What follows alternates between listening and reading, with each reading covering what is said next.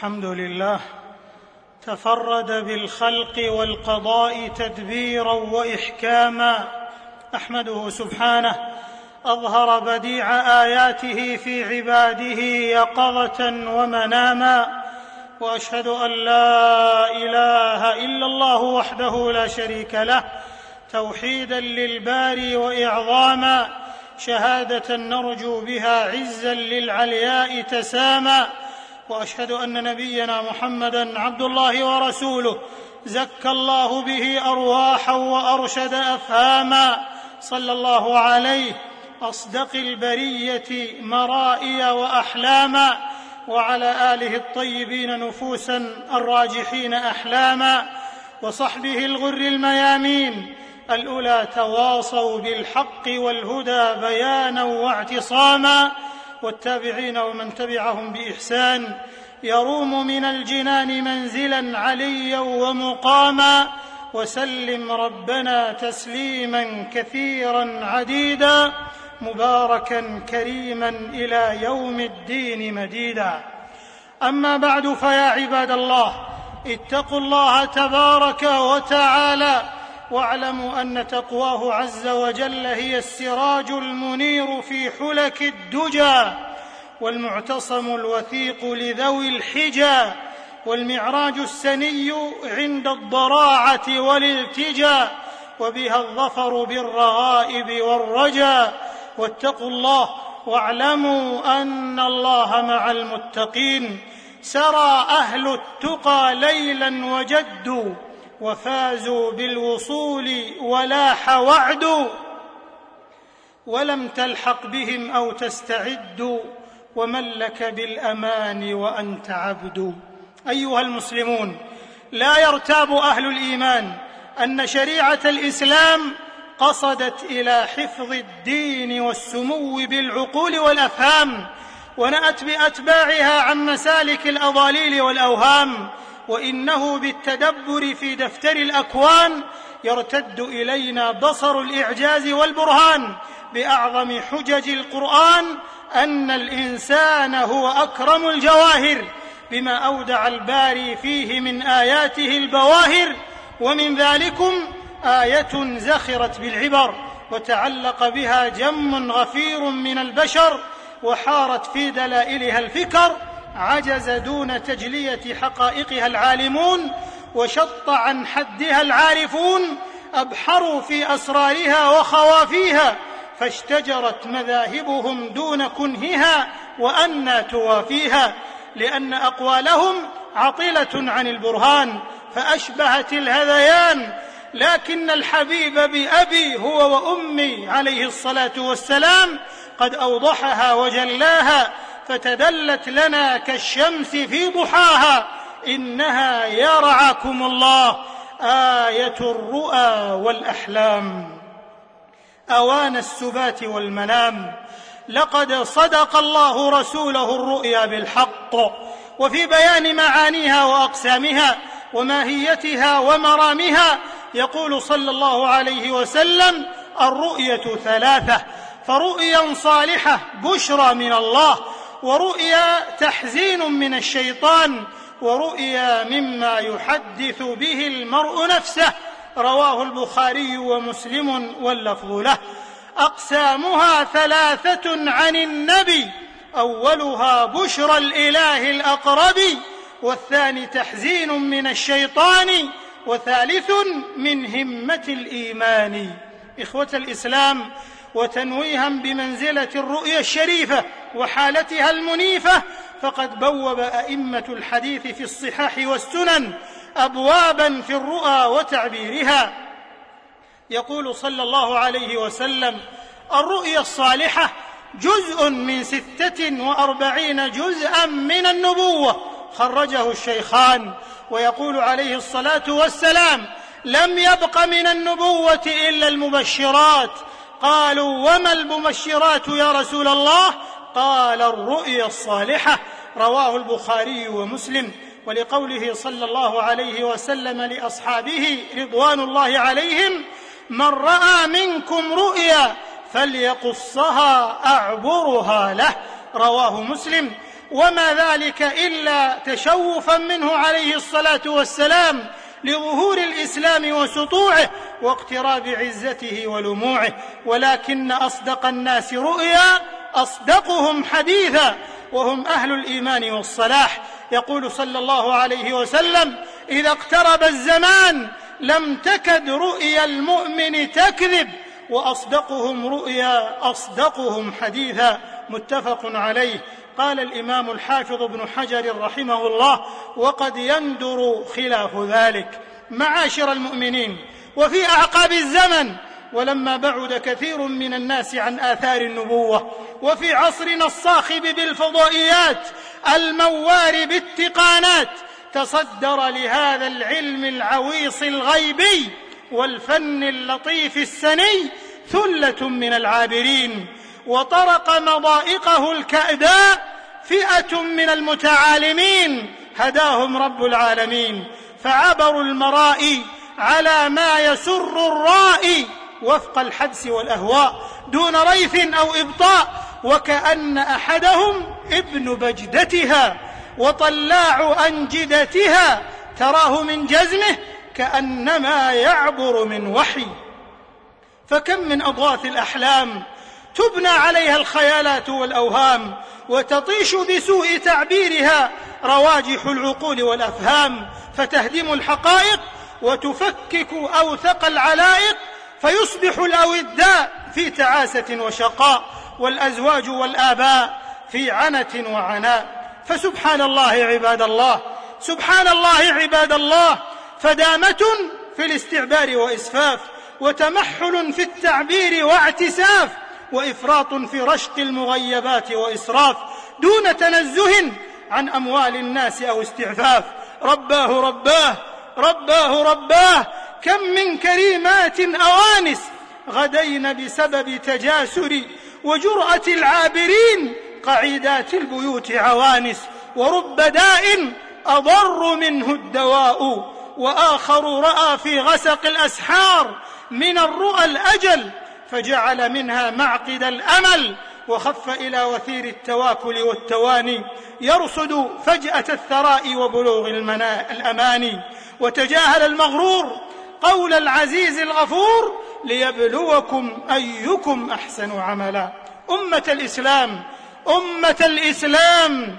وكم هم الذين أسلسوا قيادهم لبوارق الرؤى تبني أمجادهم وتتولى إسعادهم وكم هم الذين زعزعت بيوتهم الهانئة بالشكوك والهواجس بسبب تعابير جارحة وآخرون اغتالت نفوسهم المطمئنة الغمم والوساوس بتفسيرات كالحة ومن الأسى أن يتوغل هذا الوهم لدى أقوام اتخذوا المني مطية لبعض التكليفات الإلهية والإرهاصات الربانية والاستنباطات الشرعية. والله تعالى يقول اليوم أكملت لكم دينكم وأتممت عليكم نعمتي ورضيت لكم الإسلام دينا. ومن المقرر عند علماء الإسلام أن الرؤى والأحلام لا تبنى عليها الأحكام. يقول الإمام الشاطبي رحمه الله فإن الظواهر قد تعين فيها في حكم الشريعة أمر آخر فلا يعتمد فيها على الرؤى النومية فمثل هذا من الرؤى لا معتبر بها في أمر ولا نهي ولا بشارة ولا نذارة لأنها تخرم قاعدة من قواعد الشريعة. ولو جاز ذلك لجاز نقض الأحكام بها وإن ترتبت في الظاهر موجباتها وهذا غير صحيح بحال. عباد الرحمن أيها العابرون حنانيكم بأنفسكم وبالمسلمين حنانيكم فتأويل الرؤيا بمنزلة الفتوى من الأهمية والمكانة وفي التنزيل العزيز أفتوني في رؤياي إن كنتم للرؤيا تعبرون فسمى تعبير الرؤى فتوى وفي ذلك من الخطورة ما ترتعد من حوله الفرائص. فلا تخاض غمار الرؤى إلا بفهم وعلم وبصيرة نافذة وحلم ولا يعبرها إلا حاذق خفي أو ماهر نقي أو عالم تقي. قد علم شروطها وضوابطها ورموزها وروابطها. يقول صلى الله عليه وسلم لا تقص الرؤيا إلا على عالم أو ناصح. أخرجه الترمذي من حديث أبي هريرة رضي الله عنه ولا تؤول ما رأيته على من هو من علم وحلم قد خلا. سئل إمام دار الهجرة الإمام مالك بن أنس رحمه الله أيعبر الرؤيا كل أحد؟ فقال رحمه الله أبي النبوة يلعب أبي النبوة يلعب. ومن أسف أن كثيرا من الناس قد أسلسوا قيادهم لبوارق الرؤى تبني أمجادهم. لا يعبر الرؤيا إلا من يحسنها فإن رأى خيرا أخبر به. وإن رأى مكروها فليقل خيرا أو ليصمت. الله أكبر الله أكبر. ما أحكمها من عبارة وما أبلغها من إشارة. واكتم عوار الناس إن عبرت واحذر من الإعجاب إن أصبت وغلب الأرجح والأقوى اعتبر. إذ في المنام الخير والشر حضر. ألا فليدرك ذلك؟ ألا فليدرك ذلك الذين ارتبأوا ثبج الفضائيات بكرة وعشيا يبتغون حصد الأموال شبعا وريا. والله عز وجل يقول ولا تأكلوا أموالكم بينكم بالباطل. وقد أتوا شيئا فريا حيث أمطروا العباد بأوهام السراء ومحن الضراء التي تؤز المسلم إلى سيء التفكير والتشاؤم في التدبير. فكفى استغفالا للعوام كفى استغفالا للعوام وتلاعبا بقاصرات العقول والأفهام واستنزاف الجيوب بتجارة الأوهام. فلم يكن من هدي السلف الانتصاب لهذا المقام فضلا عن الترويج له والاتجار به عبر رسائل الخيالات والأحلام في وسائل وقنوات الإعلام. وإنك لواجد في القنوات الفضائية من ذلك. ما يتملكك منه العجب العجاب. وإن تعجبوا يا رعاكم الله فعجب هذا التهافت المذموم والتسابق المحموم في هذا المجال الموهوم. والله وحده المستعان. أيها المستعبرون توكلوا على الله في عزمكم وجميع الأمور ولا تصدنكم عن العلياء رؤى الغرور فإنها لا تضر بإذن العزيز الغفور لما ورد في الصحيح الماثور قوله عليه الصلاة والسلام إذا رأى أحدكم ما يكره فليتعوذ بالله من شرها أي الرؤيا ومن شر الشيطان وليتفل عن يساره ثلاثا ولا يحدث بها أحدا فإنها لا تضره فإنها لا تضره رواه البخاري ومسلم. وبنحو هذا الضابط العاصم يقول الإمام محمد بن سيرين نحرير المعبرين رحمه الله اتق الله وأحسن في اليقظة فإنه لا يضرك ما رأيت في النوم ولا يقص ما رأى على أحد فلا يضره عن الهادي ورد. أمة التوحيد والاتباع. مصائر الخلق بيد الله عز اسمه وهي أجل وأعظم من أن ترتهن في مراء مشوبة وتأويلات بالدرهم مثوبة على مرء العالم وسمعه بما يهتك أدب الكتمان والاستمهال ويعسر دونه التحري في التعبير والاستفصال وإن الإعلام الهادف المسؤول هو الوثيق الإيمان برسالته البناءة عظيم المغالاة بها الإعلام الذي يزكي الأرواح ويرتقي بالأمم إلى الكمال الذي لا تحد آفاقه وذلك الذي نصبو إليه من تأصيل مجتمعات ذات قوة إيمانية ورجاحة عقلية ومناعة فكرية تتأبى عن الانسياق خلف إعلام الاستهلاك والشهرة والابتزاز بل تتوشى بالرصانة والوعي والاعتزاز ولتحقيق ذلك. لا بد من تنادي حراس العقيدة وحماة الملة والأخيار والجلة لمحو فوضى العابرين والمستعبرين ومغباتها وضجيجها ومعراتها وضبطها في المؤهلين والأكفاء دون الدخلاء الراكضين شطر الشهرة والأضواء الذين رنقوا سلسال هذا العلم النمير بالتغيير والتكدير متجاسرين على ما استأثر به العزيز القدير وأن تستنفر المؤسسات والطاقات للحد من غلواء هذا التيار الزخار حيال رسوخنا العقدي وتميزنا الاجتماعي وتراثنا الثقافي ورخائنا واستقرارنا الأمني وإنقاذ المجتمعات من منزلق قد يكون عميقا ولكنه يوشك أن يكون على طرف الثمام حقيقا. ما كل ماء كصداء لوارده. نعم نعم ولا كل نبت فهو سعدان. ولكن الحزم ملاك الأمور وأساسها وضبطها نظامها ونبراسها. وفق الله الجميع لصادق القول وصالح العمل. وبلغنا أزكى الرجاء وأسنى الأمل. إنه سبحانه على ذلك قدير. وبالإجابة جدير. بارك الله لي ولكم في القرآن ونفعني وإياكم بما فيه من الهدى والبيان. ورزقنا التمسك بسنة المصطفى من ولد عدنان. وجنبنا الانسياق خلف الأضاليل والأوهام. إنه خير مسؤول وأكرم مأمول. أقول قولي هذا وأستغفر الله العظيم الجليل لي ولكم ولسائر المسلمين والمسلمات من جميع الذنوب والخطيئات فاستغفروه وتوبوا إليه واشكروه. إن ربنا لغفور شكور.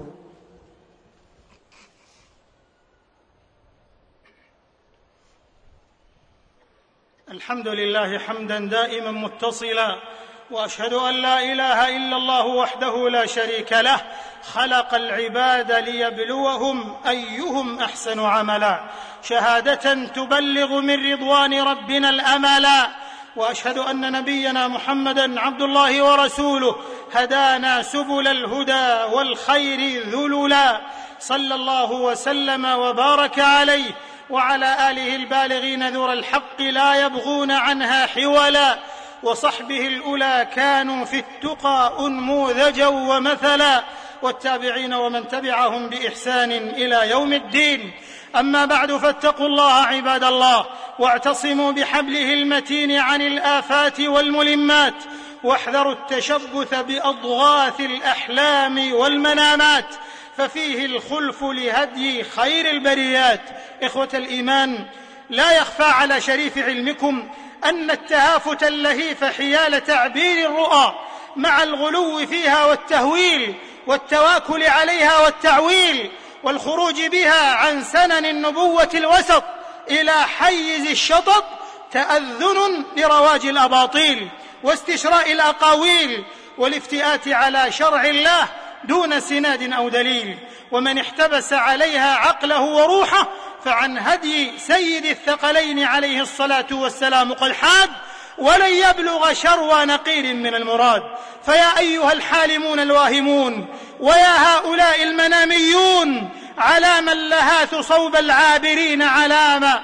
فما كانت الأحلام أبدا وقط وعوض لارتقاب النبوغ والإبداع وترادف النعم والإمراع أو جلب الحظوظ والسعادة. والمنازل العلية السيادة.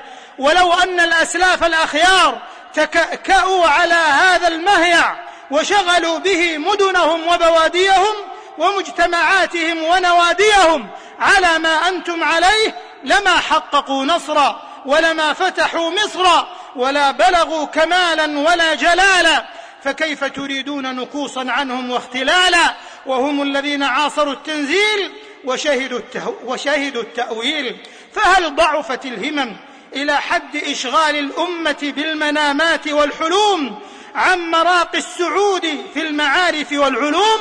غير أن هذه الذكرى غير أن هذه الذكرى ليست اتهاما للأشخاص والمقاصد والنيات فعلمها عند رب البريات ولكنها نذارة بخطورة هذه التصرفات واعتبار الآثار والمآلات وإنه نظرا لتفشي هذه الظاهرة وامتطاء فئام من الناس لصهوتها وهم ليسوا من أهلها فإن المؤمل فإن المؤمل إيجاد مظلة علمية شرعية معتبرة تتولى الإشراف على هذه القضية المهمة فتميز الأكفياء عن الأدعياء حفاظا لبيضة الدين وحراسة للملة والديانة وسموا بعقول أبناء الأمة. والله من وراء القصد وهو الموفق والهادي إلى سواء السبيل.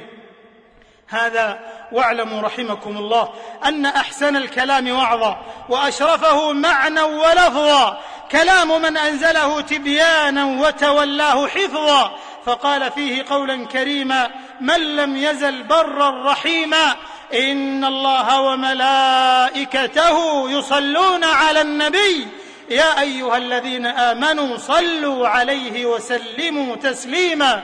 وقال الحبيب المجتبى والرسول المرتضى من صلى علي صلاة صلى الله عليه بها عشرا فأزكى صلاة الله. ما طاف طائف وما نيط بالبيت العتيق حطيم على من هو الماحي لكل ضلالة.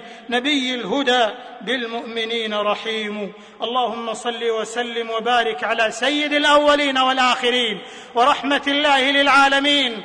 نبينا وقدوتنا وحبيبنا وقرة أعيننا محمد بن عبد الله صلى الله وسلم وبارك عليه.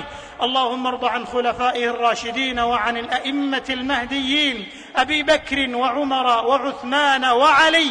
ذوي القدر العلي والشرف الجلي وعن سائر صحابة نبيك أجمعين وعن التابعين ومن تبعهم بإحسان إلى يوم الدين وعنا معهم برحمتك وكرمك يا أكرم الأكرمين. اللهم أعز الإسلام والمسلمين. اللهم أعز الإسلام وانصر المسلمين. اللهم أعز الإسلام وانصر المسلمين. وارفع بفضلك كلمة الحق والدين. اللهم اجعل هذا البلد آمنا مطمئنا سخاء رخاء وسائر بلاد المسلمين. اللهم آمنا في أوطاننا وأصلح ووفق أئمتنا وولاة أمورنا وأيد بالحق إمامنا خادم الحرمين الشريفين. اللهم وفقه لما تحب وترضى وخذ بناصيته للبر والتقوى وكن له على الحق مؤيدا ونصيرا. ومعينا وظهيرا. اللهم وفقه وولي عهده وإخوانه وأعوانه. إلى ما فيه عز الإسلام وصلاح المسلمين. وإلى ما فيه الخير للبلاد والعباد. ووفق جميع ولاة المسلمين لتحكيم شرعك واتباع سنة نبيك صلى الله عليه وسلم. واجعلهم رحمة على عبادك المؤمنين. اللهم انصر إخواننا المستضعفين في دينهم في كل مكان. اللهم كل إخواننا المستضعفين في دينهم في كل مكان. اللهم كل إخواننا المستضعفين في دينهم في كل مكان. اللهم احقن دماءهم. اللهم احقن دماءهم. اللهم احقن دماءهم. واحفظ أموالهم وأعراضهم.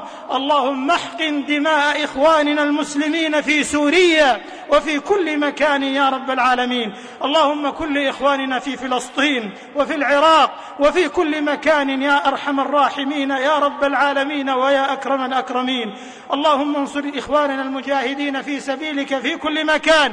اللهم أنقذ المسجد الأقصى من براثن المعتدين المحتلين. اللهم عليك بالصهاينة المعتدين وسائر الظلمة والمفسدين. والطغاة فإنهم لا يعجزونك. اللهم عليك بهم فإنهم لا يعجزونك. اللهم أنزل عليهم بأسك الذي لا يرد عن القوم المجرمين. اللهم شتت شملهم وفرق جمعهم واجعلهم عبرة للمعتبرين وغنيمة للمسلمين يا رب العالمين. اللهم أنت الله لا إله إلا أنت أنت الغني ونحن الفقراء. أنزل علينا الغيث أنزل علينا الغيث أنزل علينا الغيث ولا تجعلنا من القانطين. اللهم أغثنا اللهم أغثنا اللهم أغثنا اللهم إنا خلق من خلقك. فلا تمنع عنا بذنوبنا فضلك.